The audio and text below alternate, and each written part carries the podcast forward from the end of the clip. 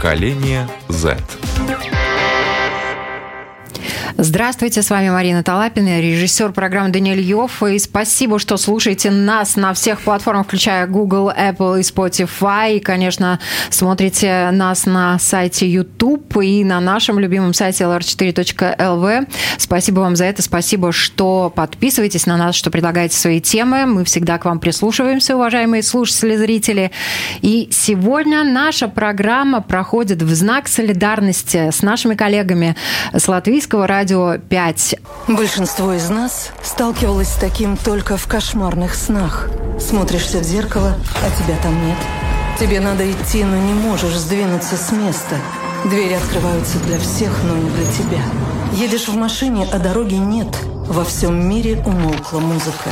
Нет ни рассказов, ни сказок. Почти все, что ты хочешь и в чем нуждаешься, не для тебя.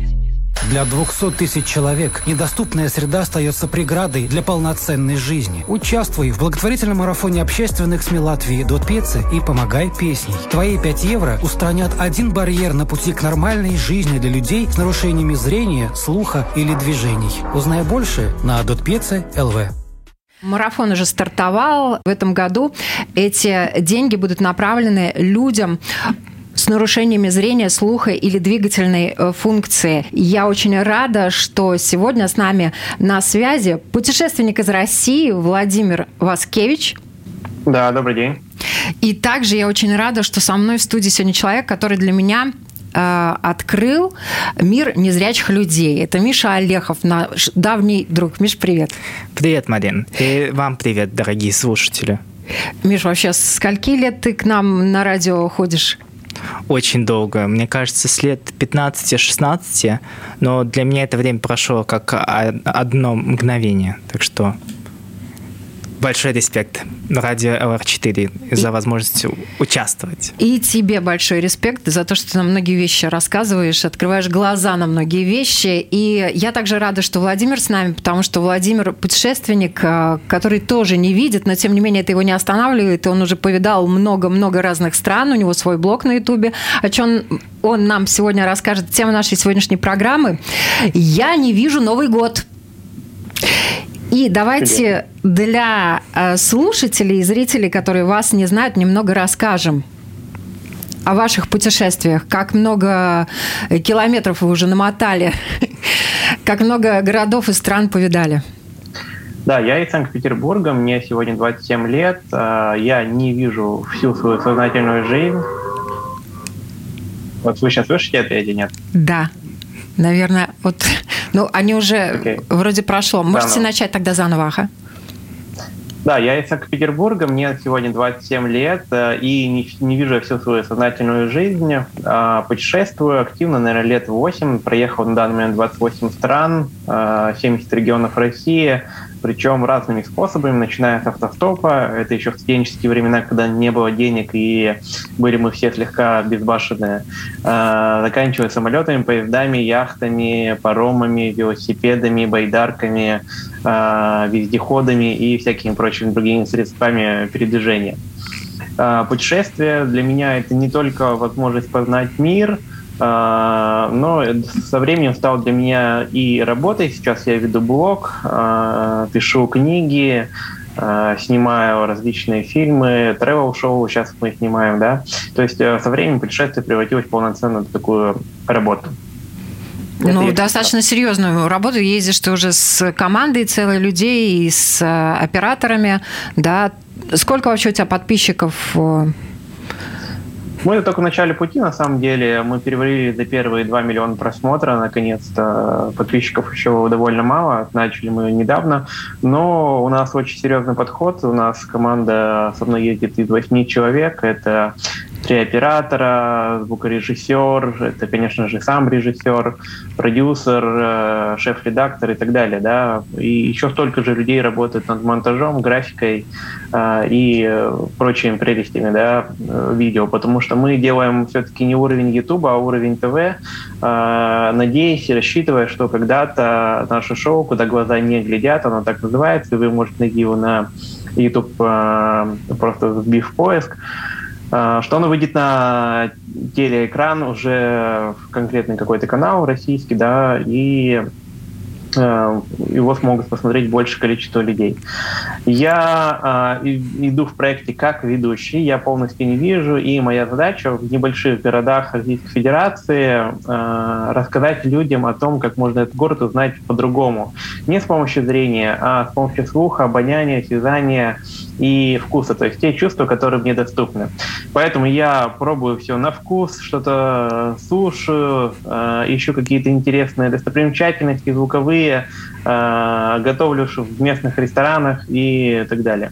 Наверное, такой отличительной особенность шоу, что я не просто пришел, послушал, потрогал, понюхал, попробовал и ушел, да, а принимаю, собственно, участие во всех процессах. То есть, если я прихожу на завод, э, где производит хрусталь, я участвую в производстве всего хрусталя. То есть я закидываю это в печь, я там выдуваю э, пытаюсь выдать бокал, но, естественно, у меня с первого раза не получается. Если мы там э, вот сейчас снимали новогодний сезон, да, 5 серий новогодних, э, и, соответственно, я приехал в горнолыжный курорт, то я попробовал все, что, на чем можно двигаться, там, сноуборд, лыжи и все остальное. Естественно, это все происходит в первый раз в моей жизни, это чистые такие интересные, яркие эмоции, веселые падения. Да, но это куча вот буквально... адреналина, правильно я так понимаю? Но адреналин, да, причем не только для меня, но и для моей группы, потому что буквально недавно я вернулся в серии, где мы метали копья, и там чисто случайно я ножом чуть, чуть не попал в режиссера. Вот. Э, ну, а... вернее, я попал, да, топор э, в двух сантиметрах от ноги э, воткнулся. Слушайте, так что адреналин хватает я, на всех. Я тебя слушаю и понимаю, что, слава богу, что ты еще жив, и слава богу, что люди, которые рядом с тобой, тоже еще живы. Но Миша на самом деле тоже путешествует, и наверняка путешествует так, как ты путешествовал раньше, да, то есть со своей семьей, с близкими, и на самом деле в Прагу, где ты учишься, да, ты летаешь самостоятельно. Вообще, давай немножечко пару слов о тебе, если кто-то еще не знает, знает нашего Миша Олехова, то пару слов э, о себе расскажи, чтобы знали. Да, спасибо большое, Марин, а, за возможность высказаться. Мне на сегодняшний день хорошая фраза. 18 лет. А, я сейчас учусь в Праге, в Чехии, в музыкальном училище. А, мой инструмент – это аккордеон. А в контексте путешествий я проехал не так много стран, как наш сегодняшний гость, всего 23, но тоже достаточно. А, а 20 из этих стран были совместные путешествия пока что с родителями, но уже постепенно я прихожу к тому, что самостоятельно начинаю путешествовать, и от этого получаю свою порцию кайфа, как и Владимир. Прага а, да. Один из первых город, э, один из первых городов, куда я поехал самостоятельно. Это был первый город, где я отправился автостопом. Ну, до автостопа город. я еще не дошел, но я думаю, мы к этому постепенно движемся. У меня этот период еще безбашенности не настал, так что я сегодня подзаряжусь от тебя энергией и пойду на новые свершения. Слушайте, ну это и опасно в том числе. Я такая, как, как мама мальчика, я тоже думаю, господи, а если он когда-нибудь дорастет и тоже решится куда-то автостопом, о, мама имеет, что же я буду делать? Ладно, об этом я подумаю позже. А сейчас я вас хочу спросить в преддверии Нового года вполне логичный вопрос. Вот э, Рождество, Новый год. У этих праздников очень много различных атрибутов, да, традиционных, украшений, весь город меняется, облик квартиры меняется, елочки ставятся и так далее. И вот это все визуальные атрибуты, да, огоньки моргают, э, там, я не знаю, игрушки на елочку вешают. А какие атрибуты означают для вас эти вот праздники, Рождество, Новый год? Вот. я начну. Ну, если честно, я не фанат Нового года, вообще как в принципе праздника, потому что я люблю европейский манер праздника, когда 2 января выходит на работу. А, а в России э, ты отдыхаешь до 10 января, и, если честно, мне очень сильно хочется уже работать. Я бы с удовольствием бы распределил эти 10 э, выходных на те даты, которые вот, ну, ну вернее, на, весь год вперед, да. Поэтому я стараюсь где-то там первые два дня отдохнуть, и атрибуты у меня абсолютно те же самые. У меня он стоит елка, я не знаю, видно, нет, сейчас поверну. Видно. Да. Вот, э, наряжена елка, на нее сейчас притащил кучу игрушек. Э, пока ездил по вот э, съемкам, купил, рисовал хохлому, пробовал, вернее, рисовать хохлому, купил себе игрушку с хохломой, э, подарил жене, она любитель э, таких вещей. Потом э, в Калуге мы снимали меня в роли космонавта, купил там игрушку космонавта и так далее. То есть, в принципе, атрибуты все те же самые. Э, я стараюсь, э, понятно, встречать это с близким, потому что я живу далеко от своих близких, они живут в Сибири, и на новогодние праздники мы в основном летаем э, в, к семье. Ну, собственно, как все, как и у всех. Э, иногда я езжу куда-то, конечно, путешествовать Новый год.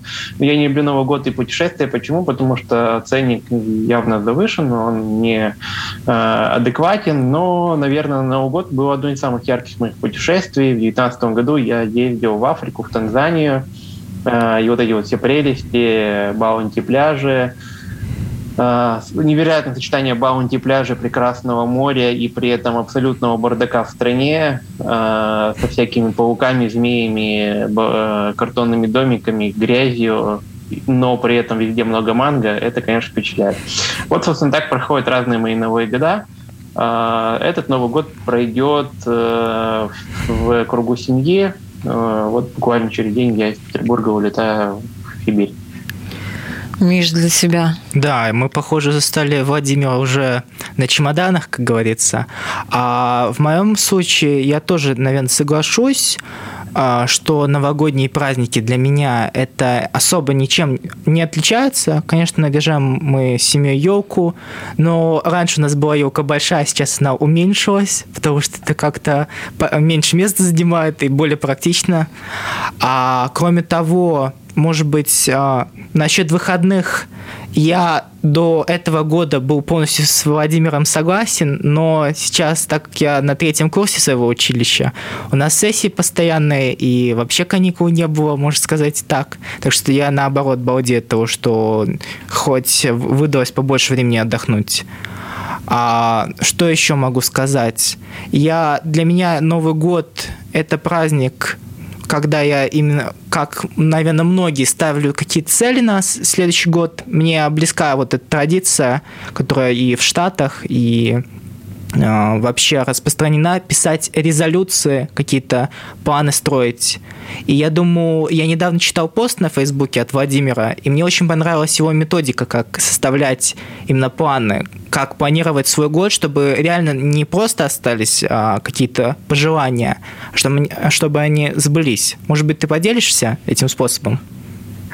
Я на самом деле, да, посвящаю часто вот выходные для возможности, ну, не спеша спланировать то, что ты хочешь видеть в новом году, потому что во многом, как мы знаем, все зависит именно от нас, а, от нашего желания или нежелания. Это уж кому как больше нравится. А, поэтому там, начиная там, с 1-2 января я очень плотно сажусь за свои планы. У меня есть разные, на самом деле, инструменты. Ты видел, наверное, описание только одного ИЗа я обычно планирую очень просто. То есть важно э, не придумать какую-то очень сложную там систему, а важно просто вынести свои мысли на бумаге, понять, что они тебя вдохновляют, и пойти их э, реализовывать и создавать. Как делаю это я? Это обычно у меня табличка в Excel, это может быть ваш обычный ежедневник, э, где вы прописываете, э, допустим, сверху вниз 25 своих целей, да, а рядом 25 э, твоих целей, то есть это получается как бы один столбик друг под другом, а рядом у вас еще дополнительные столбики. А, столбик, где вы ставите плюс или минус, соответственно, выполнили или не выполнили в течение года. Столбик, где вы ставите даты, когда вы хотите примерно это осуществить в течение года. И дальше еще несколько важных столбиков. Я э, каждый столбик э, заглавливаю как одной, одна из сфер моей жизни, то есть, э, которая влияет, собственно, на мое развитие. Это карьера, семья, понятно, э, образование, духовное, физическое там, развитие и так далее. И каждую цель, получается, можно оценить по десятибалльной шкале насколько она влияет на эти сферы моего развития. То есть насколько, допустим, съемки путешествия, проекта «Куда глаза не глядят» влияет на мое образование, насколько не влияет на семью, насколько не влияет на мой финансовый доход. И когда я планирую какие-то цели, я обязательно ставлю приоритеты в каждой сфере, и потом уже в конце могу понять, что вот эта цель реально важна, потому что почти везде десяточки, да, и э, она серьезно поднимет мое, допустим, финансовое состояние, и на это нужно обратить внимание в первую очередь.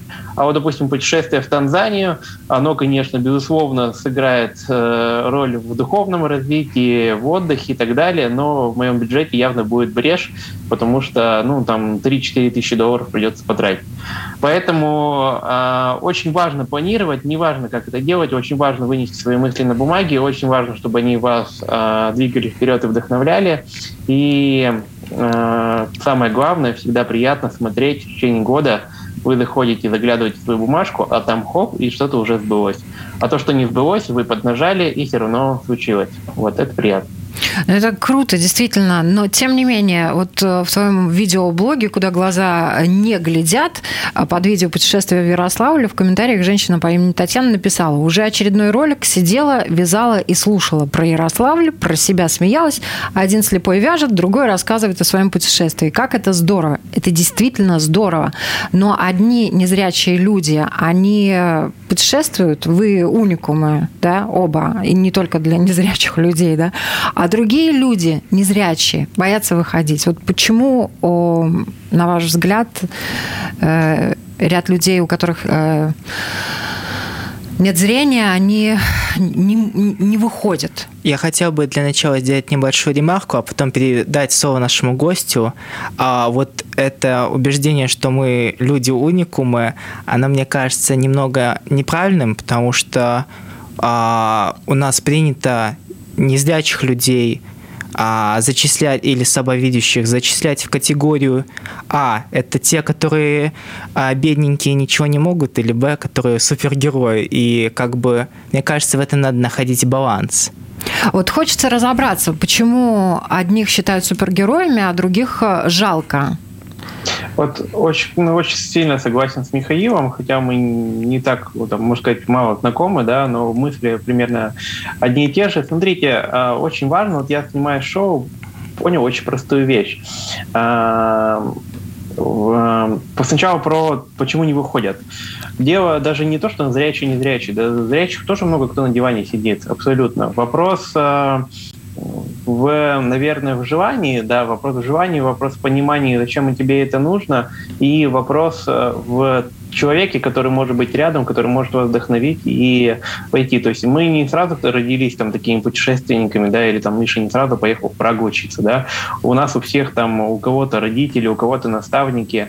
А, то есть всегда были люди, которые являлись для нас какими-то вдохновляющими, э, назовем тогда, движущими элементами. Поэтому важно найти человека, который вас э, вдохновит и заставит все-таки встать с дивана. Меня вот э, человек э, абсолютно слепой вдохновил и помог мне выйти из дома. Дальше я уже сам разобрался, там набил шишек, столбы обнимал, и березы белые, все на свете.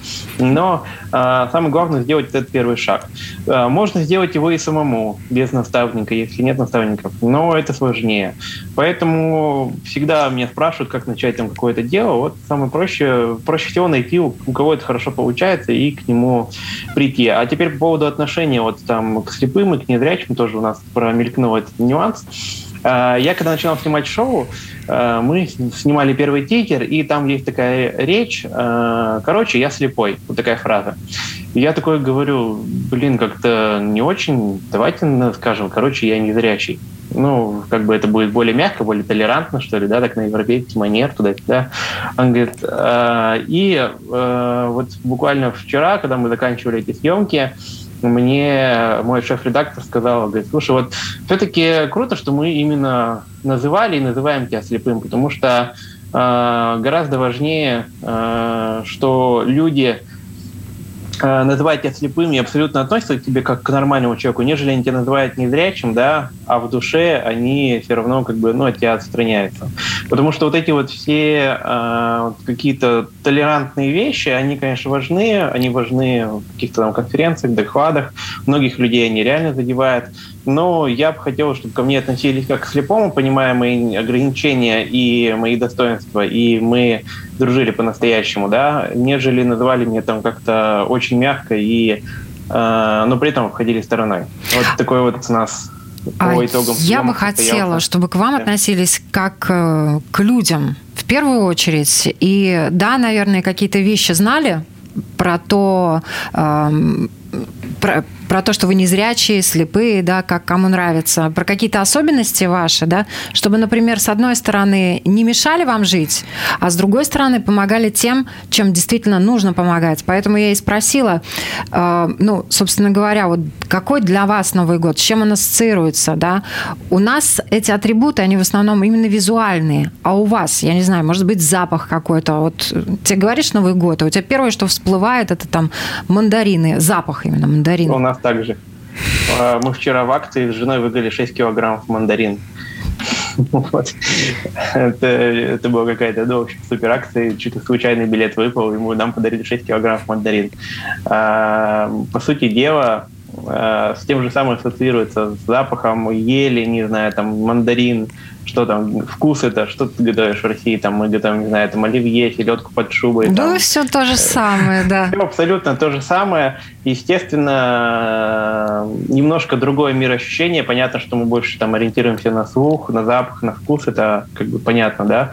Но в целом-то... А абсолютно... вот не всем понятно, вот как раз не всем понятно. Ты про Танзанию рассказывал, как вообще абсолютно зрячий человек. Ты такие вещи называл, я такая думаю, господи, а чем же тогда, собственно говоря, мои рассказы будут отличаться отличаться от твоих, если я поеду в Танзанию. Вот. И, Миш, помнишь, у нас был один Новый год, когда ты выходил с нами на связь из Праги? Да, ты я сам... как раз его и вспоминал. Ты сам нашел елку. И был такой момент, когда ты рассказывал о том, как в Чехии встречают Новый год, к тебе подошел человек сзади и стал глядеть в камеру. Причем ты рассказываешь в этот момент, у нас трансляция, и то, что к тебе подошел человек сзади, видим только мы. Ты mm-hmm. этого не видишь. И мы здесь в студии с ребятами немножко напряглись. А чего он, собственно говоря, от тебя там хочет? А вдруг он у тебя сейчас отберет телефон и куда-то убежит? И что же мы здесь, из этой студии, будем делать? Как мы тебе сможем помочь? И на самом деле, слава богу, все прошло гладко, он ничего тебя не схватил, он мирно ушел, но это была какая-то такая не совсем э, простая история. И вот бывают такие ситуации вообще, э, когда люди не совсем адекватно реагируют. С вами случались? Угу. Я думаю, что, во-первых, отвечу на предыдущий вопрос. У меня ассоциации до какого-то момента были полностью схожие. Оливье, мандарины и запах елки. Э, запах елки остался, но прибавился холод, когда я стоял на этой площади и снимал для поколения за ну, передачу эфир с Праги. А также еще очень воспоминание у меня осталось, когда я в прорубь прыгнул 1 января в 12 ночи. Это, конечно, было здорово. А насчет ситуации, это очень такой вопрос, а, я считаю, открытым, потому что многие а, считают, многие незрячие а, полагаются сильно на свое доверие, потому что если, хоть и Владимир и говорил, что должен быть какой-то наставник, который тебя стимулирует, но при этом ты должен ощущать доверие, когда ты выходишь на улицу, потому что иногда светофор не работает, а у тебя большой перекресток, тебе надо перейти. И ты будешь человека какого-то искать, потому что как бы машины едут, и непонятно, когда поток останавливается. Или когда у тебя телефон разрядился, что у меня в последнее время не случается, я этому очень рад. Но когда такое происходит, ты тоже должен как найти дорогу. И зимой, когда много снега, это сложнее, чем обычно. Поэтому этот момент со стороны кажется странным и может кого-то пугать, но надо как-то искать в себе этот баланс доверия того, того твоего окружающего с, с твоей внутренней осторожностью. Ну вот особенно, Если... когда ты один, да? Да. Я думаю, что, Володь, у вас вообще там целый рюкзак э, таких разных ситуаций, учитывая, какое количество мест вы проехали и прошли пешком. Ну, слушайте, когда я начинал путешествовать, я думал, что вот у меня негативных историй будет больше, что там тут пальцем показали, там ограбили, по голове дали. Там, Бывало такое? Очень, очень простую вещь, я потом просто понял, что никто не сидит в Танзании и думает, так, завтра Скетч прилетит, надо ему кокосом по башке шандарахнуть. Да? А, понятно, что случались негативные истории. Ну, за 8 лет путешествий меня один раз ограбили, кстати, в Париже. Вот. Вытащили новенький iPhone, который мне подарили за, так сказать, хорошую работу в организации. Как раз ну, был Новый год, мне подарили, я поехал в Париж, и меня его украли.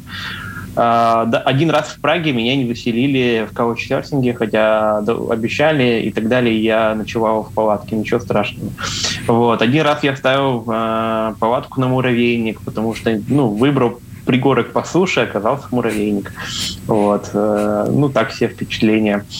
А, бывало, ребята в России а, хотели устроить, ну, попал я, я попал в не очень благополучный район ночью, хотели сначала устроить гоп-стоп, а потом, собственно, э, когда сообразили, что я не вижу, скинулись мне на такси, э, и бедного таксиста чуть там не, не, не до такой степени напугали, что если он не позвонит, что меня довез в целости и сохранности, то они его номера запомнили и так далее, и так далее. Вот. А, в связи с чем я сделал очень много выводов, а, все приводятся примерно к одной и той же мысли, что доверие нужно абсолютно, без этого точно никуда. Ну, доверяй, но проверяй. Это тоже важный момент. А второй. И третий, а, как бы, ну, если бояться, то как бы в лес не ходить. Поэтому мне страшно, мне страшно всегда, мне спрашивают, как не страшно ехать там в Африку, в Европу, да мне страшно абсолютно всегда, но я совершенно четко понимаю э, цену своему страху, да, и совершенно четко понимаю, что я получу в путешествии гораздо больше, нежели я буду сидеть и бояться, что кто-то меня там ограбит. А практика показывает, что это случается крайне редко, потому что, ну, никому я особо и не интересен. Ну, слава богу, что плохие вещи случаются крайне редко. Я тоже верю в то, что у людей гораздо больше доброго в душе и гораздо больше Абсолютно. добрых людей. И вот то, что вам действительно в помощь, это всякие разные аудиоформаты, которых сейчас огромное количество, и аудиоматериалы, и аудиоинформация, которую вы обрабатываете, да? Вот вообще много угу. приходится обрабатывать информацию ну, вот в течение дня аудио, да, через уши и тактильно?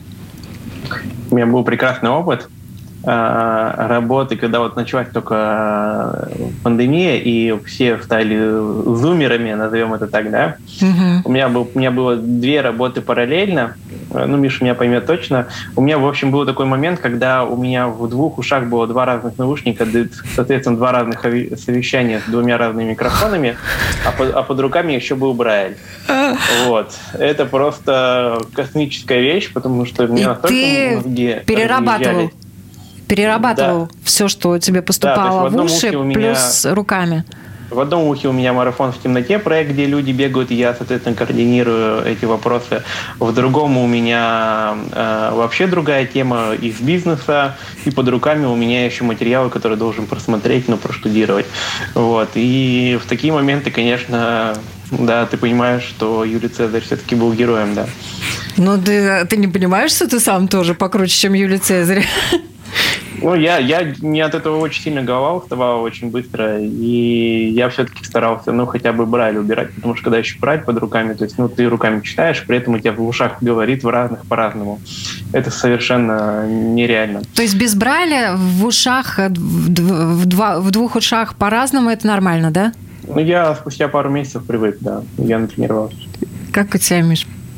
Ну, насчет э, третьего канала, как брайля, у меня не настолько развит multitasking, надо будет походить на мастер-класс у Ласкевича.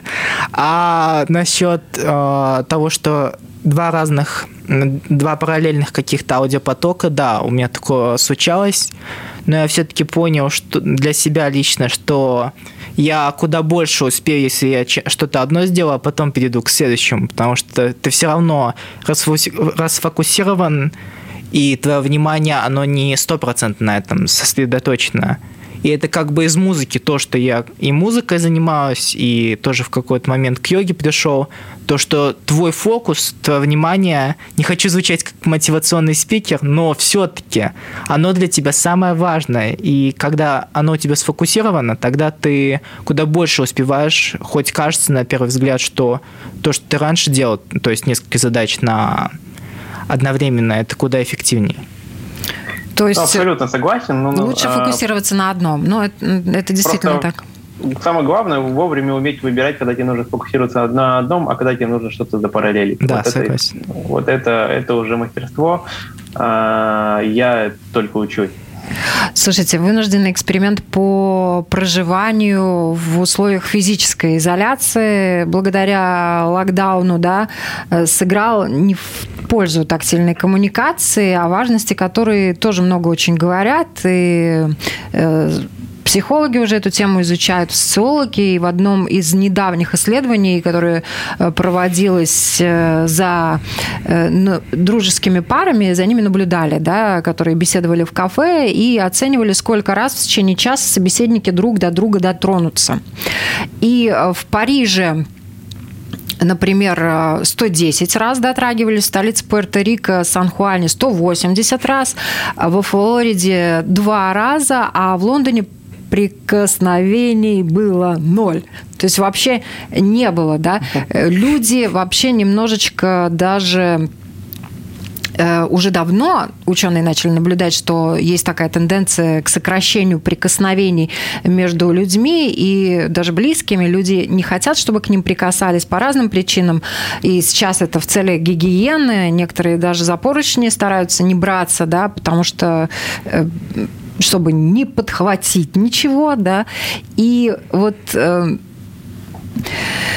ну, это статистика вопрос, еще. Вопрос. Статистика да, обуславливаются темпераментами людей. Да. Есть, Пуэрто-Рико это крепкие острова, испаноязычные, горячие Это ребята. все понятно, конечно, это И бесспорно. Зона, это социокультурные особенности, да, это социокультурные особенности. Тут все понятно. Но людям незрячим нужно трогать для того, чтобы понять, где они находятся, да, для того, чтобы сориентироваться лучше, для того, чтобы пройти какой-то путь, например, по лестнице э, стабильней, спокойней, да.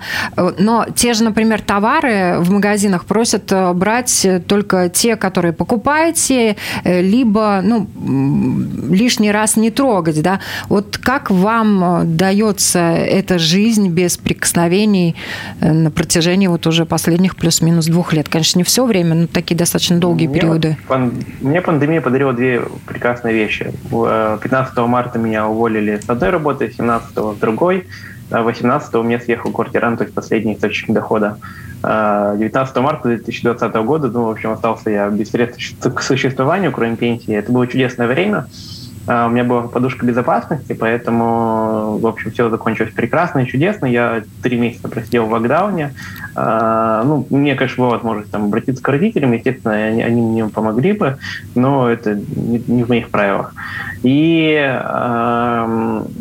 потом у меня началась работа, и вот две прекрасные вещи я ощутил. Первое – это удаленная работа, да, то есть я понял весь кайф удаленной работы, я сейчас работаю только удаленно, мне это абсолютно нравится, я могу работать, э, делать какие-то свои социальные проекты, особенно если они не привязаны э, к появлению, там, проведению каких-то очных мероприятий, то есть в любой точке мира, да, и э, по поводу вот этих вот э, прикосновений я понял, что ну, наверное, не так... Э, то есть вот у нас миф, что незрячим все надо трогать, это прям, не знаю, вот лично я не испытываю потребности кого-то трогать, да, при знакомстве или еще как-то. Мне это вообще абсолютно никакого дискомфорта не доставляет. А, что касается продуктов, то в России, не знаю, как в Латвии, я сразу же перешел на онлайн-доставку, и ко мне сейчас все прилетает, что захочу домой. То есть ну, в магазин вообще ходить не нужно, ничего трогать не нужно. А, да, продолжу тему э, с момента доставки. Я тоже, как когда и в Латвии был локдаун, я все-таки еще с родителями живу, поэтому мне не приходилось особенно думать о продуктах. А в Чехии, когда был локдаун, я за доставкой пользовался. Я тоже это очень сильно оценил, потому что в магазинах время тратить не хочется, а это быстрее. А насчет удаленной работы и учебы на удаленке в моем случае, то мне кажется, все-таки у меня специфика, что это музыка, и я это не воспринимаю, когда онлайн. А как бы, как бы связь хорошо не была, но все равно это не передать. Ну, а, да, конечно. И для меня все-таки еще важный момент, может быть, телесность, так назовем это, она для меня не настолько важна, как, как тоже развеивая миф с, э, с тем, что нужны прикосновения с зрячим. Но для меня, например... Прикосновения нужны всем. Да, прикосновения, но что для незрячих особенно они очень нужны. А, но для меня важно все-таки смена обстановки. И на удаленке это куда сложнее ре, реализовать, чем когда ты а, на обычной жизни живешь. То есть, когда у тебя есть... А, ты куда-то едешь, для меня все-таки это смена хоть какая-то. Ну, не на удаленке, а в локдауне. Да, да, в локдауне. Удаленка как раз способствует. То есть я в компьютером могу хоть где и хоть куда. Да, с локдауном. Вы уже... В Праге, в Праге доставляют э, доставкой ролики с пивом, нет? Нет. Нет? Ну, есть, но... но... Ну, может быть, надо поискать, надо на поискать. самом деле уже начали говорить о некоторых мифах, да, а какие еще стереотипы и мифы в отношении незрячих людей раздражают? Вот реально раздражают, бесят? Да я не могу сказать, что они меня бесят. Э, я, а. скорее всего, понимаю, что как, как рождаются мифы и стереотипы. Да очень просто. Кто-то кому-то сказал, кто-то какой-то друг сказал, что у меня есть опыт в этом, а, потому что он услышал другого друга и так далее, да. А, и миф про стереотип, стереотипы про слепых рождается ровно так же, как стереотипы про гаишников, э, блондинок и всех остальных, да. То есть они абсолютно с одной стороны, дыма без огня не бывает, как говорят в России, с другой стороны, они абсолютно беспочвенны в большинстве своих случаев. И самое главное, самое обидное, что за стереотипами ты не видишь человека. Да, то есть э, вот ты Э, у нас в России, да, допустим, что вот этот человек там из Средней Азии совершил какой-то проступок, значит, все они такие. Э, я в том числе люблю путешествовать, потому что мне... Почему люблю путешествовать? Потому что мне это помогает разрушать стереотипы. Я приезжаю в страну, и у меня рушатся стереотипы, которые я видел по телевизору, да. Э, я приехал в Среднюю Азию, побывал в Узбекистане, проехал в Кыргызстан, пообщался с казахами, с таджиками, у меня совсем другой мир сложился. Во-первых, я теперь знаю совершенно точно, что узбек и таджик и кыргыз совершенно разные люди, люди со совершенно разными характерами, принципами, э, разным воспитанием, да, уровнем образования, в том числе там, статистика своеобразная в разных странах и так далее. По уровню развития страны абсолютно разные, там, Киргизстан, Узбекистан, э, Таджикистан и так далее. Вот, то есть э, путешествие, чем еще прекрасно, раз мы сегодня говорим про путешествие, это как раз вот про стереотипы. А что касается слепых, какие стереотипы прямо бесят – ну, самый стандартный вопрос, который мне задают, когда меня встречают в любом городе, в любом городе э, СНГ и России, а куда ты едешь? А потом такая догадка, ну, наверное, ты в больницу, да, помочь тебе, нет? А, или там, может быть, там, а где твоя мама? А почему мама с тобой как бы это не ходит, ну и так далее. Но это бывает не то, что раздражает иногда, но я как бы к этому уже привык. Стараюсь человеку, если есть время, объяснить, в общем, почему это не так. А если нет времени, просто, ну, просто прохожу мимо. Это зависит, мне кажется, тоже от менталитета, потому что когда я путешествовал и по Чехии, и по, по Риге, когда перемещался по Латвии, то ко мне с таким а, вопросом не обращались. Так что мне этот стереотип не знаком, но по, в основном, в, э, что стереотипы у нас образуются от пересказа а, других чужих слов, в этом я полностью согласен. Слушайте, а есть какие-нибудь байки, смешные вещи, типа анекдоты у слепых людей про незрячих? Ой, наоборот, про зрячих. Про зрячих? Да. Шутите вы, когда в своей компании собираетесь так, ну да, увидел. Да зачем, ну, как съебать? Да, скорее всего, я очень часто прикалываюсь именно над своей слепотой, и мне нравится, когда люди понимают и шутят легко, потому что самый простой юмор, самый простой способ вот с ними сконнектиться, это пошутить над собой, чтобы они поняли, что над этим можно посмеяться, и им сразу становится легче, да. А, ну, вот меня в любой, в Европе э, везде, вот э, очень часто, допустим, в отеле провожают до номера, да, и большинство из э, вот этих вот партий, они немножко чувствуют себя ну, некомфортно, некоторые там их прям трясет. И вот он заходит в номер, говорит, ну как вам номер-то показать, сэр, там, или в России, там, парень, как тебе показать? И вот, и я говорю, да я разберусь, не переживайте, ну, вот я свет вам включу. И я, ну, в этот момент пытаясь разрядить обстановку, говорю там, типа, да не включайте, я обычно люблю электроэнергию экономить. И такая немая, немая пауза, и потом человек начинает как бы, ну, э, улыбаться, смеяться, и сразу все нормально. Я дальше спрашиваю там про рум-сервис, как позвонить туда-сюда, и все, и идет нормальный разговор. У нас на съемках э, мы с моей командой, они же зрячие, вот, мы с ними давно уже совершенно спокойно шутим друг над другом. То есть, ну, прям стебаем, и они надо мной шутят, на моей слепотой в том числе, и это совершенно нормально. И тут в Калуге мы снимали какой-то там, в общем, источник, я ныряю, там 4 градуса, вот. И смысл, что начинается съемка, и мне оператор кричит, Вов, когда махну, ты тогда иди. Я такой, окей, окей, не слепой, типа, разберусь. Вот. Э, я, значит, все, мы этот эпизод сняли, ко мне подходит э, руководитель этой локации, где мы снимали, говорит, вы что нас разводите? Он же не слепой. Он же сказал, что увидит. Вот. Э, поэтому э, бывают такие веселые истории. Поэтому мне вот, например, приятно, когда я совершенно спокойно могу на тему слепоты э, со зрячим пошутить, и в том числе над собой. И самая ирония – это вообще инструмент, который очень сильно нас выручает. Слушайте, есть бизнес-тренинги, которые проводят для зрячих людей в темноте, чтобы те научились лучше слышать, что им э, говорить. Вот есть также концерты в темноте, есть рестораны для того, чтобы лучше почувствовать, э, да, обонять да, то, что ты кушаешь. Да. Ну вот, э, на ваш взгляд, что большинству людей не хватает? Ну вот вы со своей колокольни. Что можете сказать, Миш? Я думаю, что тут очень важный момент, эти рестораны, но самое, самый, мне кажется, лучший вариант – это когда а, проходят прогулки в темноте, потому что они больше всего показывают человеку, как это, а, как незрячий а в, в, а, в своей обычной жизни ориентируется. Но мне кажется, это еще больше открывает вообще возможности своего организма для того же человека. Абсолютно. Да, и чего, чего нам всем точно не хватает, не только мне, вообще всем в мире, это умение работать со своей зоной комфорта. Это умение вовремя почувствовать себя в комфорте и расслабиться. И когда нужно э, стартовать и выйти из своей зоны комфорта, из своего футляра, из своей капсулы ради цели, ради результата. Э, вот, вот. У этого у людей сложно получается, начинают всякие там прокрастинации, и прочее. Вот с этим есть, да, всем над чем работать. Так что давайте сейчас в завершении нашей беседы пожелания. Без пожеланий я вас не отпущу. У всех с Новым годом, да, всех наступающим Новым годом, с прекрасным годом 2022. Он точно должен получиться лучше, чем все предыдущие. Э, лично мы в этом уверены.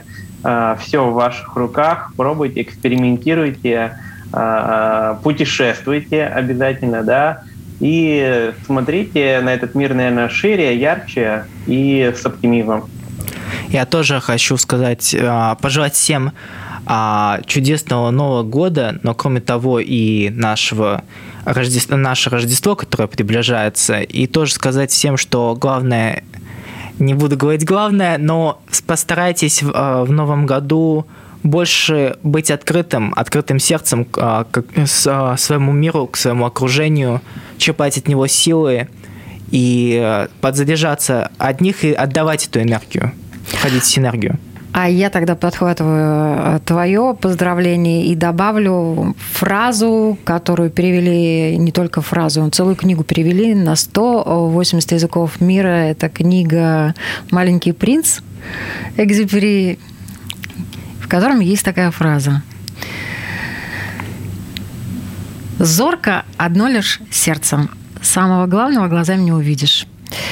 Я верю искренне, что в, наш, э, в нас, в людях гораздо больше доброго. И этому доказательство тот марафон, который делают наши коллеги Дот Пеца.